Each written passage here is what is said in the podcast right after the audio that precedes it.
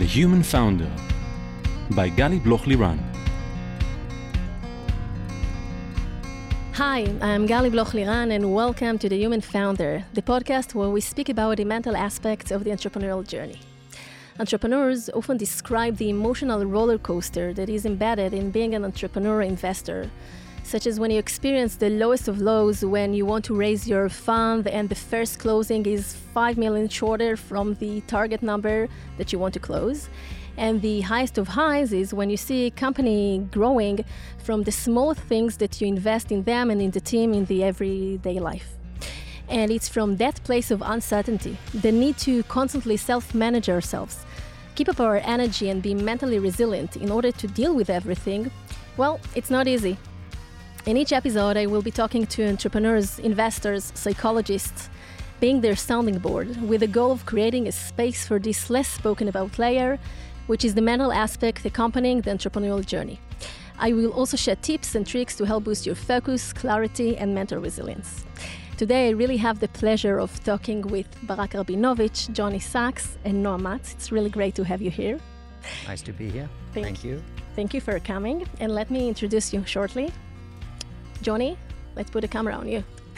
Uh, you are the managing partner, st- straight up, it's straight. Straight. I'm, I'm not your grandma, just in. Ali. So, stomach in. like a ballerina. Jonny, you are the managing partner of F2. Prior to F2, you were a managing partner at Genesis Partners and principal at Gemini VC. You bring extensive early stage investment experience from your roles at uh, operational companies and venture capital funds. You have invested and served on the boards of Monday.com, PrimeSense, Newbell, and Innovid, alongside other Israeli technology companies. So it's really great to have you here. Barak, you are the managing partner of F2. Previously, you were a partner at Genesis Partners, where you focus on early stage investment opportunities and the Junction Seed Investment Program. Prior to Genesis Partners, you led three startups in the UK and Israel as co founder and CEO, including Mytopia, acquired by uh, 888 Holdings. We had here Ohad Shaked a few weeks ago, and supported numerous successful technology companies as an angel investor. And Noa, Noa you're an operating partner at F2. You're an expert in founder dynamics and performance coaching for startups, teams, and executives. Previously, you founded and led Team Diligent, a boutique consulting firm advising founders to enhance their performance and take high risk decisions in stressful and uncertain conditions. In this capacity, you served as special advisor to Natural Intelligence, Aurora Labs, Guesty, and other successful startups, as well as corporations like SAP. So I needed to do it quickly because you are three and we have so many, you know, credentials and amazing things to say. So it's like uh, I was on a one and a half, uh, you know, pace. Uh, so now we can chill down. so thanks for coming again. And uh, actually, what I would like to discuss with you today is like in two directions. First of all, to hear from each and every one of you, as much as time allows, uh, intertwined in our stories, your path and journey as a psychologist and as founder and investor and as a, an investor.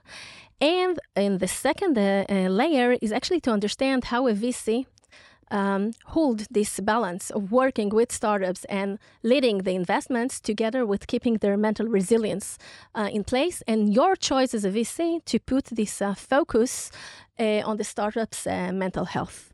So uh, let's begin. Jonny, let's begin with you. Sure. Yeah, go ahead. So I've been an early stage investor, mainly seed stage, but early stage investor for more than 20 years. So to be exact, 22 plus years. Um, and I always have and still claim that it's all about the people.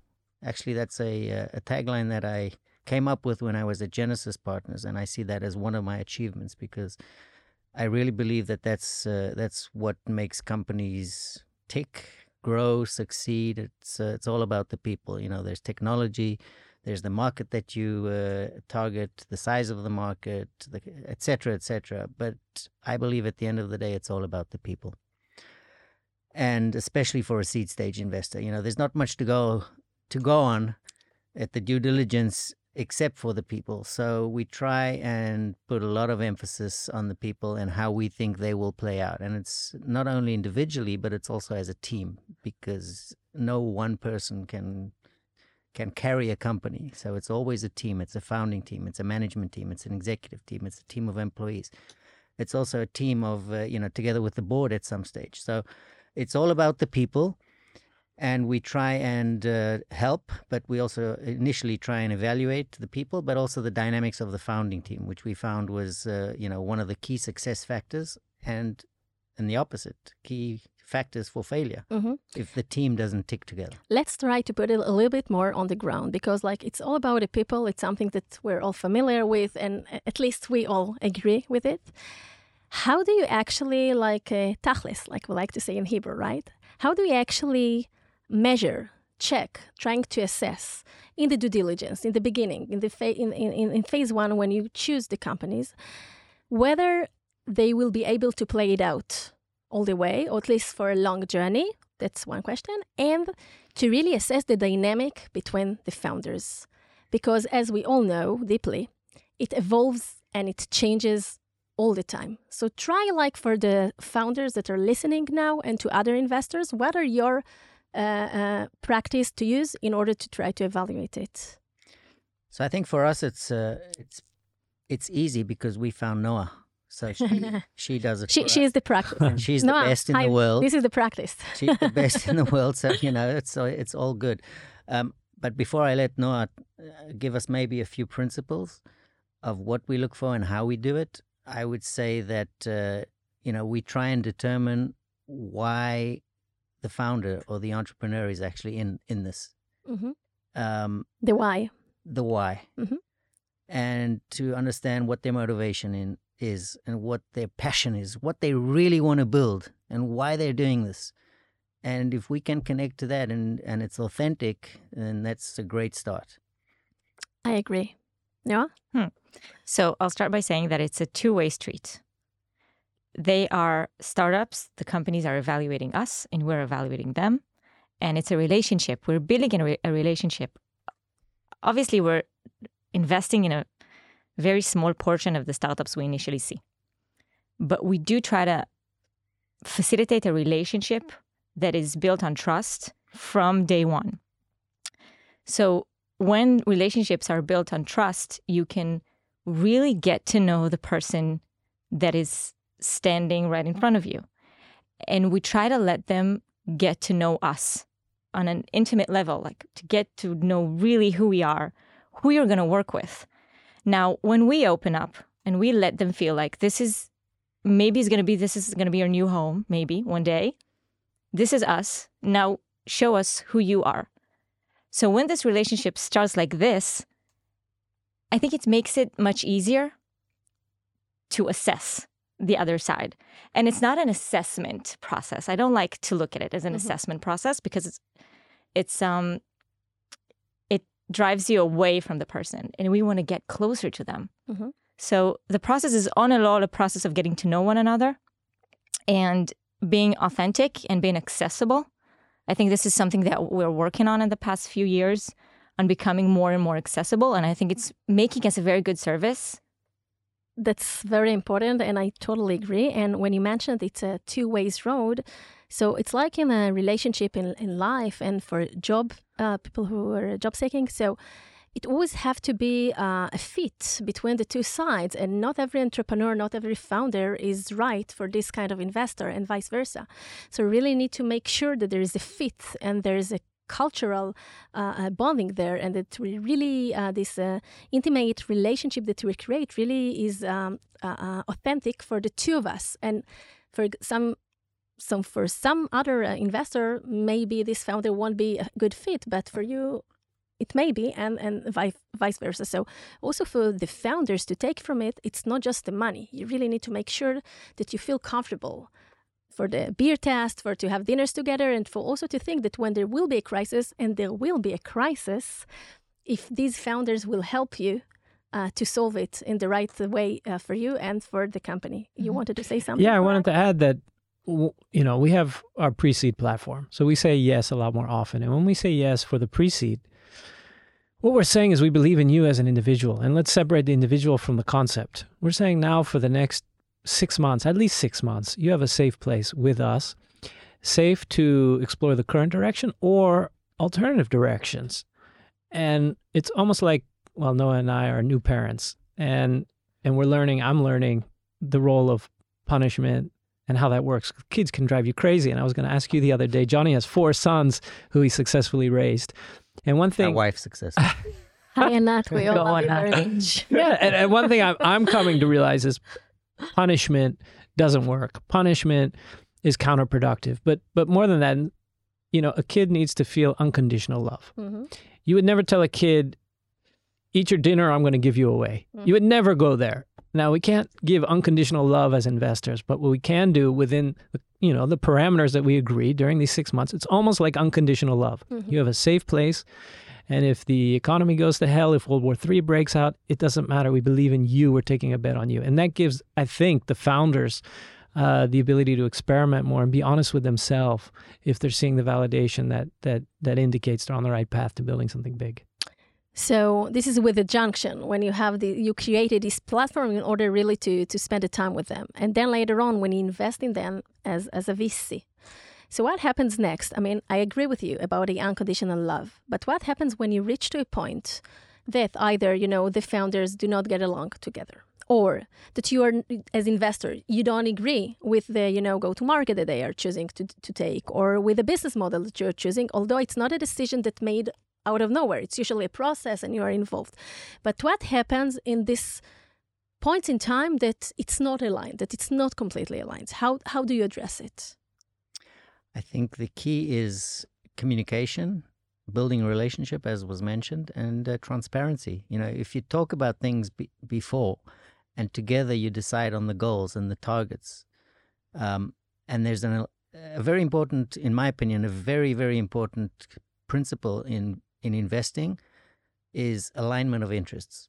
So that both sides or all sides have an alignment of interests. If there's a misalignment of interests, if one of the parties wants to build a $50 million company and the other party wants to build a billion dollar company, there's a misalignment of interests and, and, and that's difficult. So you try and determine that as early on as possible. And therefore, it's good to talk and good to set together what the goals are and, and what the vision is. It's always the founders, right? The founders need to say, this is our vision. And hopefully the investors are on line, in line with that. And then it's a relationship and it's managing the relationship. It's continuously setting the goals, measuring them, seeing that you're in the right direction. If not, why not? How can we improve? Um, and even though, even if you do that, and I think it has to be done, that's a must-have. But even it doesn't doesn't guarantee success, right? There's still challenges along the way, agreements or dis or, or disagreement.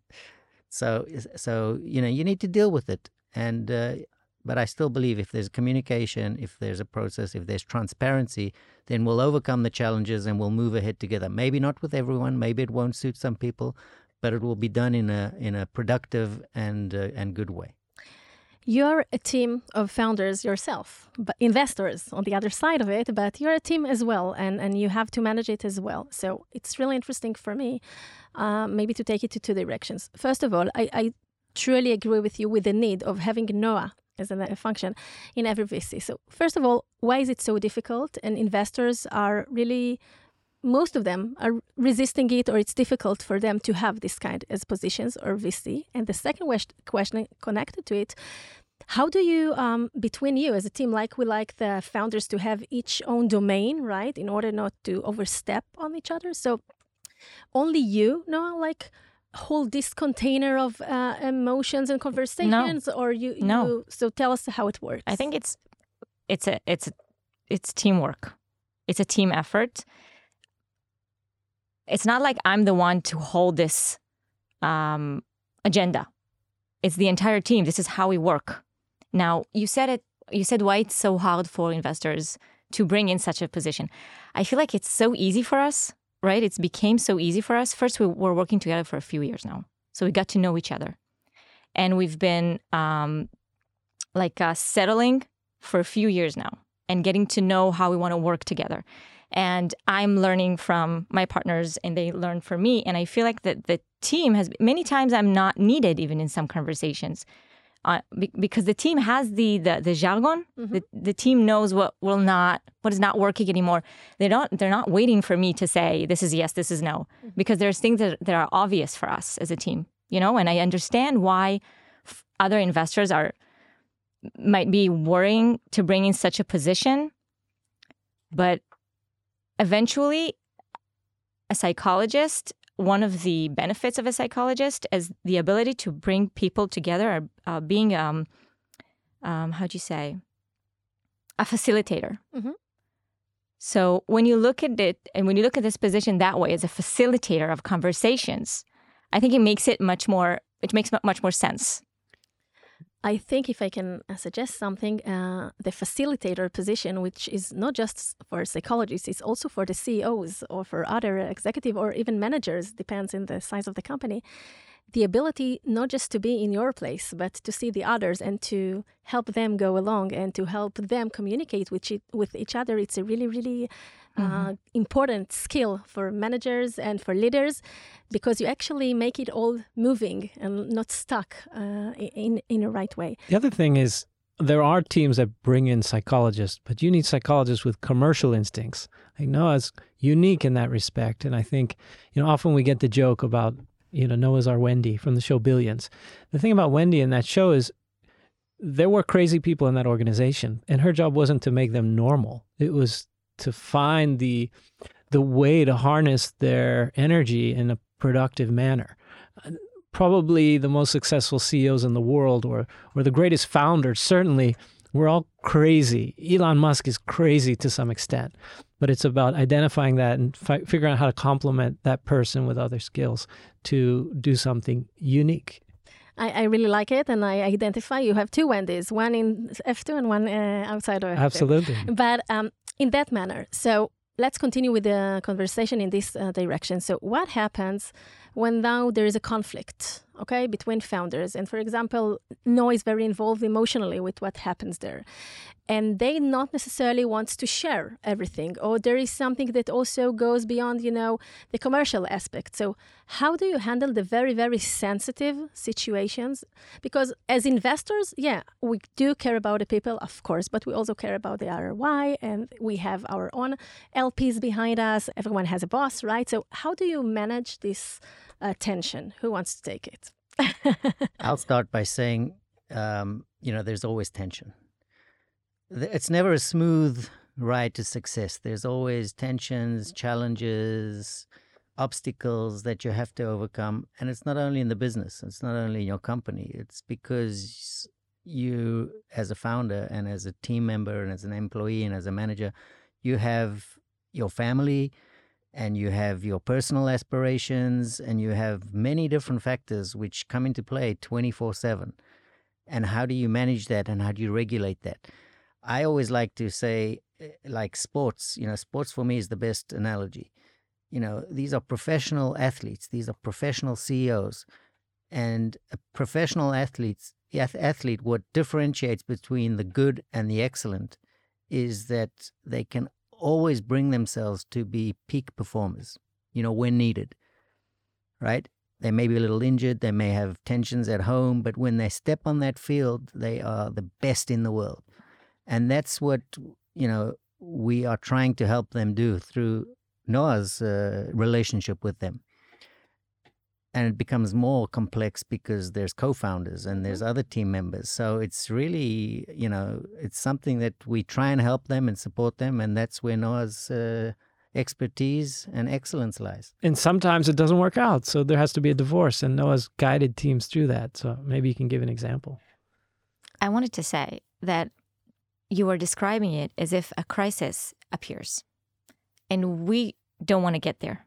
Meaning, us as as a fund, we strive to be in in a certain relationship with with the founders, at least with most of them, that we're not surprised when there's a crisis. And again, it comes back to the trust issue. Mhm.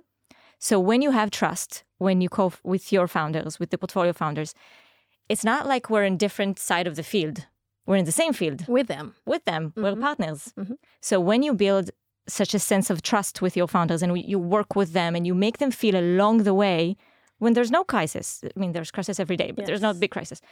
On the day to day, you make them feel we're on your side, and you're proving to them to them every day, again and again, that you're in their side. So first crisis will not surprise you, Mhm. and second, when it's when it will appear, it won't be a um, there won't be misalignment of interests Mhm. because we are all in their same in the same side. I agree. Most of the things that I see, and I'm sure you as well, is really the dynamic between the co-founders, if whether they are two or three. Usually, that's what happens, and the way uh, that their communication uh, patterns and skill uh, uh changes or misaligned anymore, or trust issues among them, or changes in their life uh, situation. They become parents, or they get divorced, or other things happen as things happen in life, and that all uh, impact uh, what's going on between them. So maybe let's dive into two, three examples that you have, really, of course, without names, uh, or from founders that uh, you uh, got to work with. How to really manage situations between the co-founders and, and as both the head of investors, but also, you know, to support them in this uh, situation again, I'll say that there's always challenges, and uh, you know the best teams are the ones that know how to talk about it and overcome these challenges and work productively and successfully together.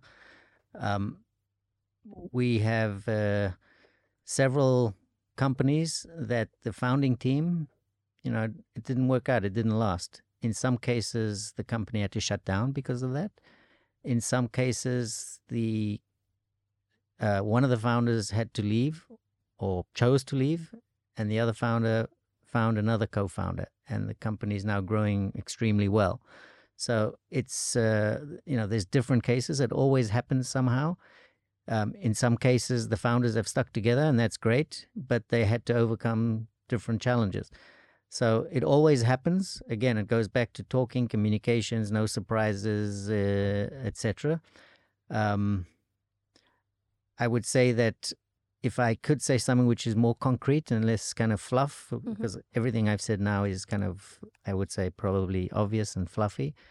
But one of the but it's the basics. It's the basics, it's yeah. The basics. But, one of the tips I would say mm-hmm. to founders is make sure that you're going, you're starting off on this journey with a partner that you believe in, mm-hmm. and that uh, you know you you've you've checked each other, and you've been together through some experiences before.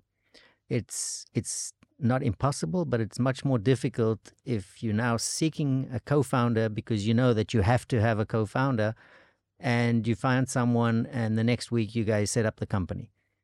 Uh, you need more dating, more experiences together, overcoming challenges, discussions to get to know each other well. A diverse team is is even better. So rather than two or three techies from the same unit, uh, the same demographic backgrounds, etc., I would say is less preferential than you know male, female, techie, business, uh, commercial team. You know, I'll say humbly that um, I also believe in the dating and spending time together, and even doing some projects together before you kick it off. And and and yet, I see with the years that even the founding teams that uh, began in, a good way for the first, second, third year. So the uh, challenges are growing and changing, and the company is growing, and there's COVID, and there's a, a, financial crisis, and there are other things that happen, and the world is, you know, a VUCA world, so it changes all the time. And it could have been that it worked well for the first three years, and then the crisis comes later, like, and, and they couldn't anticipate it, or it was very, very, you know, minimal, but then uh, it exploded. From your experience as a very experienced investors, when you look from, you know, uh, 30,000 feet, okay, uh, from all those years, can you say uh, that in high percentages you could see the teams that will break up at the end or wouldn't make it until the end or the exit or the IPO, whatever strategy, where there are those small things that you could see that will evolve later on?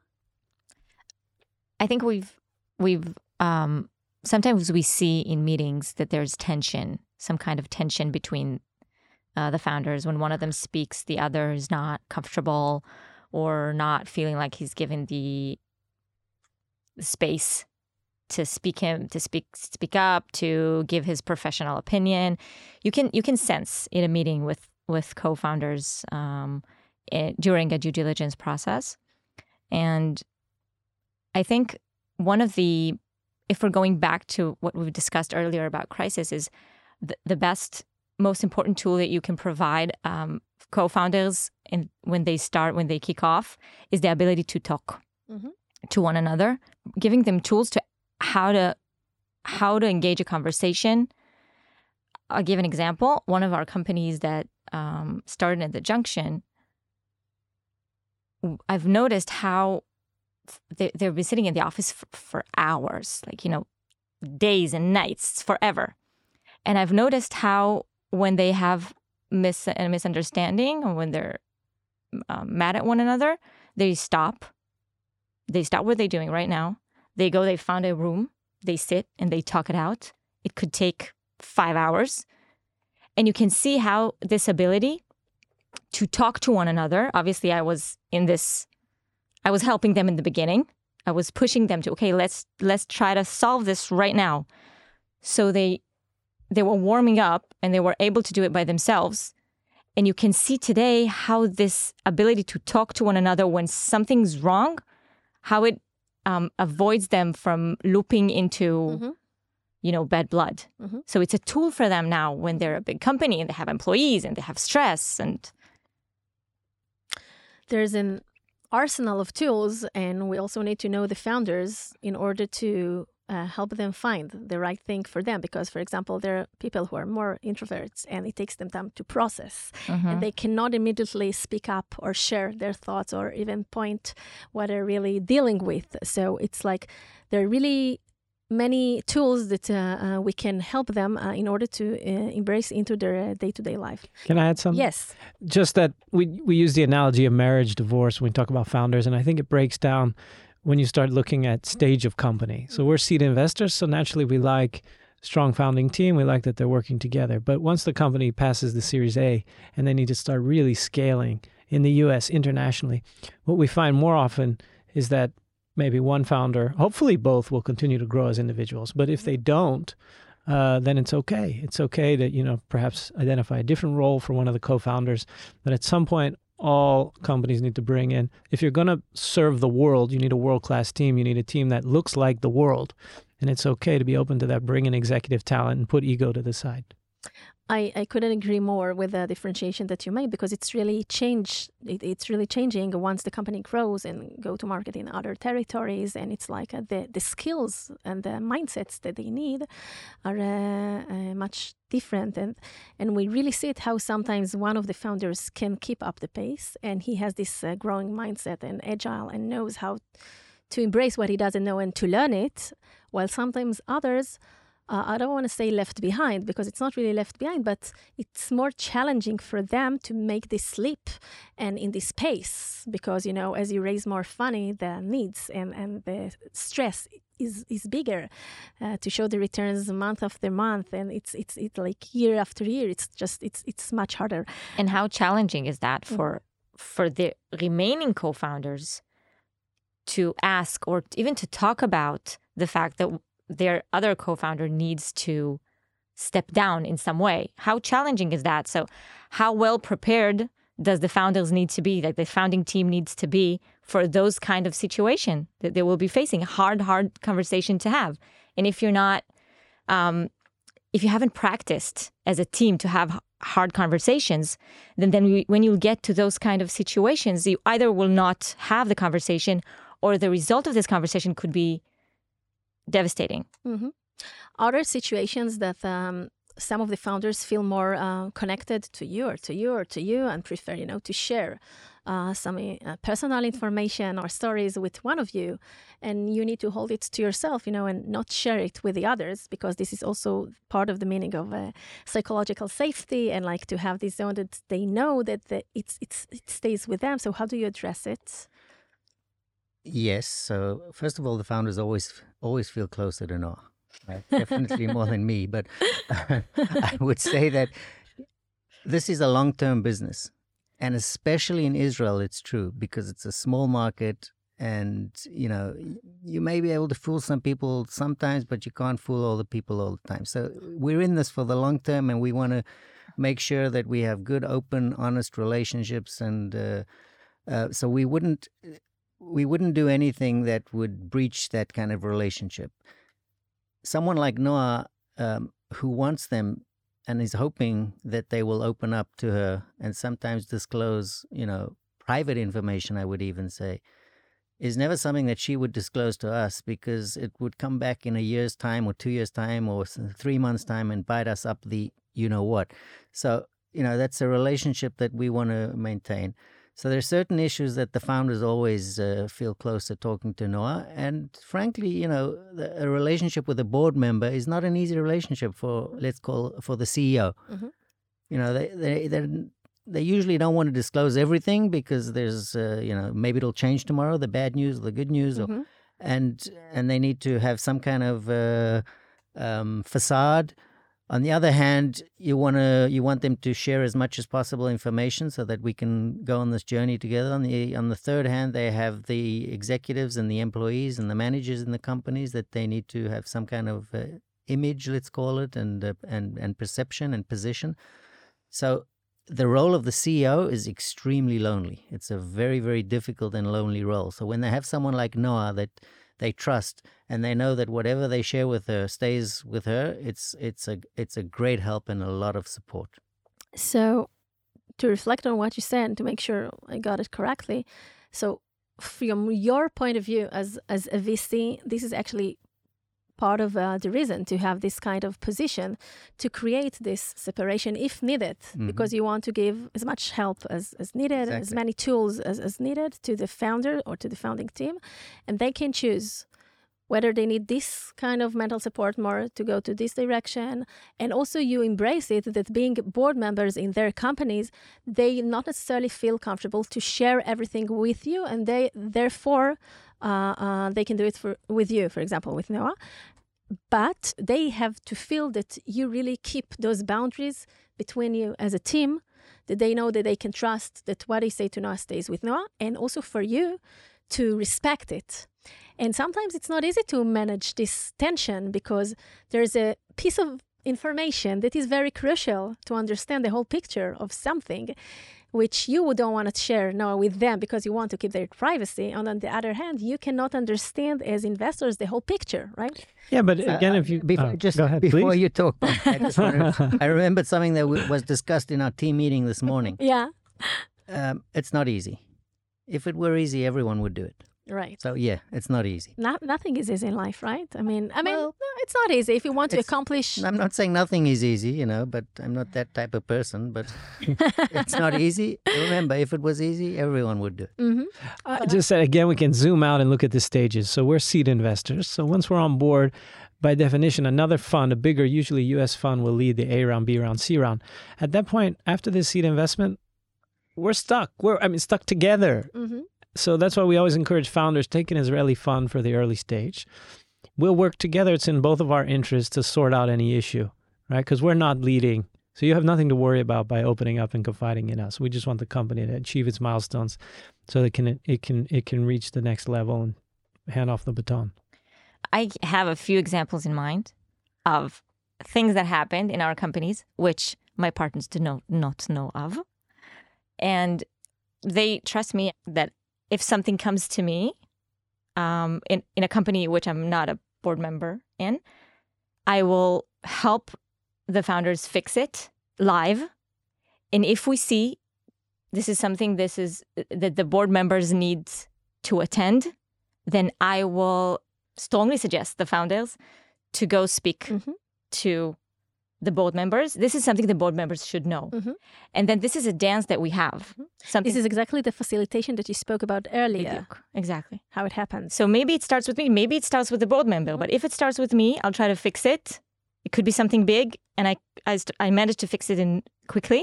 And if not, then I will suggest the founders to go ahead and escalate, and we do it together. I want to take you to another uh, direction because um, we know that it's difficult for the founders, right, uh, to build a company uh, from early stage and on to growth. But it's also very complex to be an investor and uh, to hold this responsibility and to make the right choices um, to in which companies to invest. So, share with me a little bit about your personal journey and how do you feel that the things that you've been through uh, where you were born, which is not in here, and like the things that built your character and your resilience uh, in this journey in leading early stage startups. Sure, I guess I'll start. I, I've always been a bit of an outsider and always valued meaningful relationships. So, I mean, I grew up a Jewish kid in a small town in Ohio. So immediately, then I went to a, a boarding school, like in the movies, like you may have seen Dead Poet Society. It was like that, Like- right? Mhm. um, again, I was uh, the minority and uh, formed a, a, you know, my, my friends were, were the guy from Mexico and the guy from South Korea. It wasn't the mainstream quarterback of the football team. On to college, Jesuit college, and then uh, my first job. And then eventually I, I came out to Israel. I volunteered in the army with a small band of crazy guys who were embedded with an infantry uh, battalion. And I bring that same spirit um, to this job combine that with from each experience you have in your life you maintain some very not big in number but big in meaning relationships. And this job as an investor fuses the both together. So being on the outside having a lot of empathy and having a network of meaningful relationships to call on i think infuses our job you know because we talk about why why we do the things we do. And having this focus that what drives or motivates at least me and i think us is these relationships. It doesn't matter then if a company had a bad day or a good day, because all the time we're using we're, we're harnessing these relationships. And um, you know, if I just if if a founder calls us and confides in us, that's a success. Mhm. Thanks for that, Jonny. I was born in South Africa, came to Israel when I was 10 years old. Um, now when I look back, I say, you know, I had to, I had to, I was kind of thrown in the deep end. I didn't speak the language. I never thought about it then, but uh, you know, I had to, I had to do good. I had to work harder. I had to try harder. I had to, you know, because I was, the home that I was brought up in was always uh, through education or through sports was you know aim aim high, strive for excellence, and that's something that I took with me. I say that because I think uh, you know a lot of successful entrepreneurs are immigrants, um, and Israel is a land of immigrants, Mhm. right? So I think that's one of the reasons that Israel is such a good startup environment and ecosystem. And that's why we have so many successes in technology and innovation.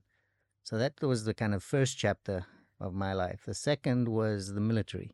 So I spent 10 years in the Israeli military in a unit in the intelligence corps, and that taught me a lot about resilience, about teamwork, about failure, learning from failure, improving successes, making decisions under pressure, uh, you know, all those unbelievable things which I would never ever have experienced at such a young age. And I think that's one of the definite benefits of the Israeli military that young people, men and women, are given this huge and enormous responsibilities and have to deal with issues and make decisions.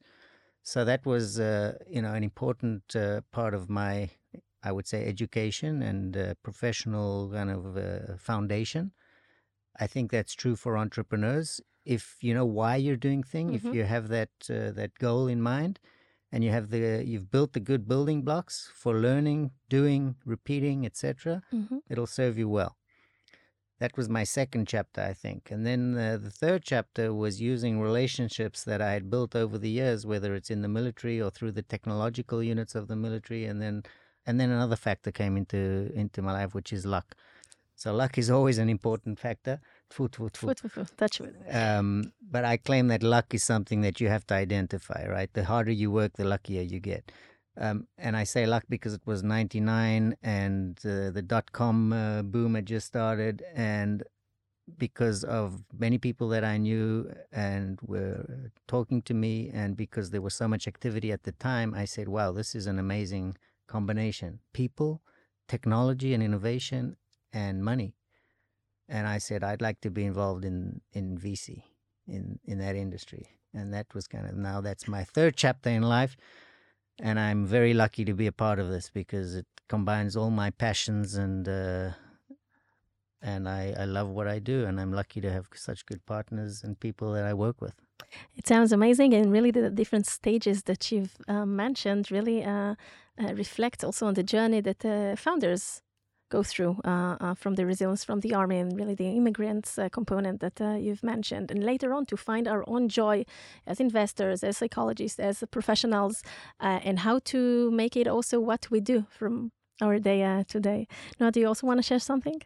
Yeah, sure. So, if going back to the army, so I learned in the army that preparing teams for high stress missions, again, being a facilitator, but in a different way, Mhm. is something that I'm, I think I'm good at Mhm. and I'm very passionate about and it, it excites me.